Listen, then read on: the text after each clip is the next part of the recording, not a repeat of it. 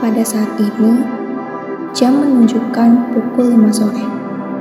Waktu Indonesia bagian menikmati senja. Sepotong nasihat bagi remaja.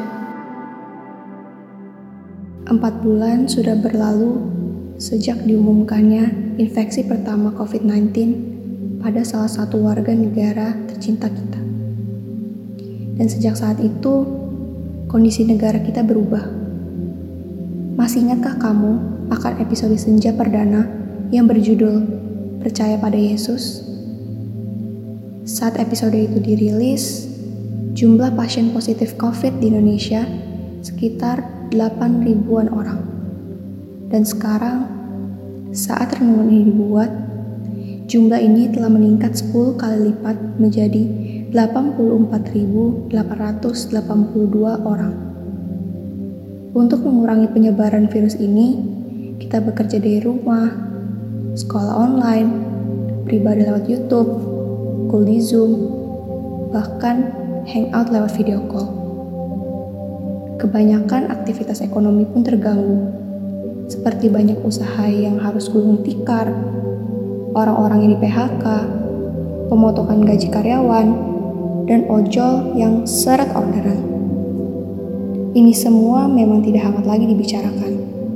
Bahkan, keadaan sudah berubah semenjak ditetapkannya PSBB transisi atau yang lebih awam disebut new normal.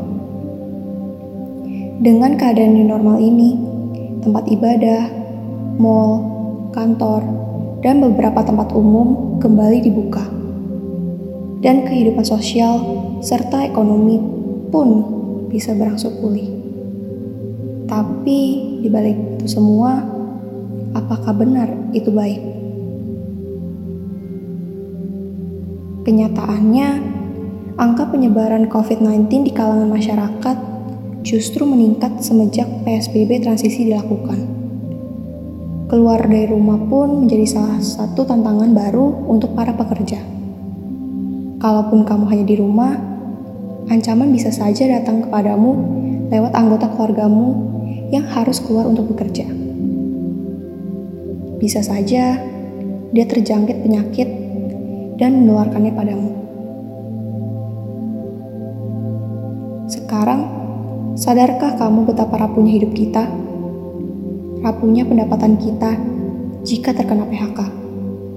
Rapuhnya pertemanan kita jika tak kunjung bertatap muka. Dan rapuhnya kehidupan itu sendiri jika kita terjangkit virus corona. Pernahkah kamu berpikir demikian? Atau kamu tidak acuh terhadap ini semua? Yesus pernah berkata dalam Yohanes 15 ayat 5, Akulah pokok anggur dan kamulah ranting-rantingnya. Barang siapa tinggal dalam aku dan aku dalam dia, ia berbuah banyak. Sebab di luar aku kamu tidak dapat berbuat apa-apa. Mari kita lebih mencermati penggalan terakhirnya.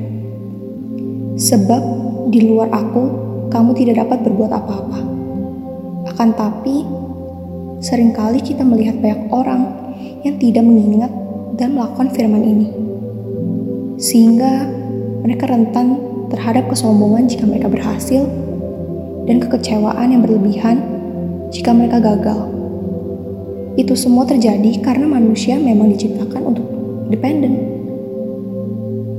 Entah itu terhadap sama manusia atau terhadap Tuhannya.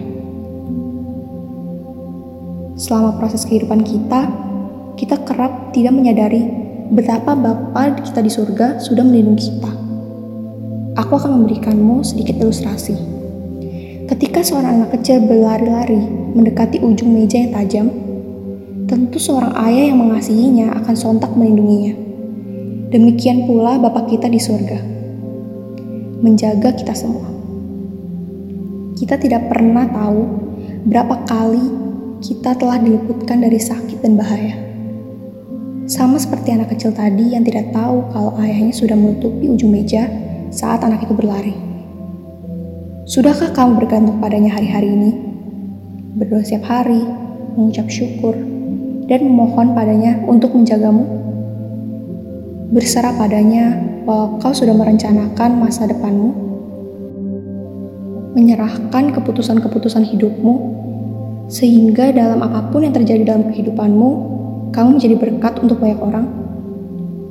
Jika kamu berhasil, kamu tidak sombong dan justru memuliakan Bapamu yang di surga. Kamu mengakui bahwa tampaknya kamu tak bisa berbuat apa-apa. Kalaupun kamu gagal, kamu tidak akan kecewa karena kamu tahu kamu sudah melakukan yang terbaik. Dan mungkin Tuhan ingin mengajarkanmu untuk bersabar. Seperti ranting yang menempel pada pokoknya. Aku berharap kita semua dapat bergantung penuh pada Tuhan karena memang kita tidak bisa berbuat apa-apa tanpanya. Dan bersama dia, kita berbuah banyak. Mari kita berdoa. Tuhan, terima kasih atas segala penyertaan-Mu di hidup kami. Hari ini kami diingatkan lagi untuk hidup selalu bergantung padamu. Ajarkan kami Tuhan, agar bisa melakukannya hari demi hari. Terima kasih Tuhan, dalam nama Tuhan Yesus kami berdoa. Amin.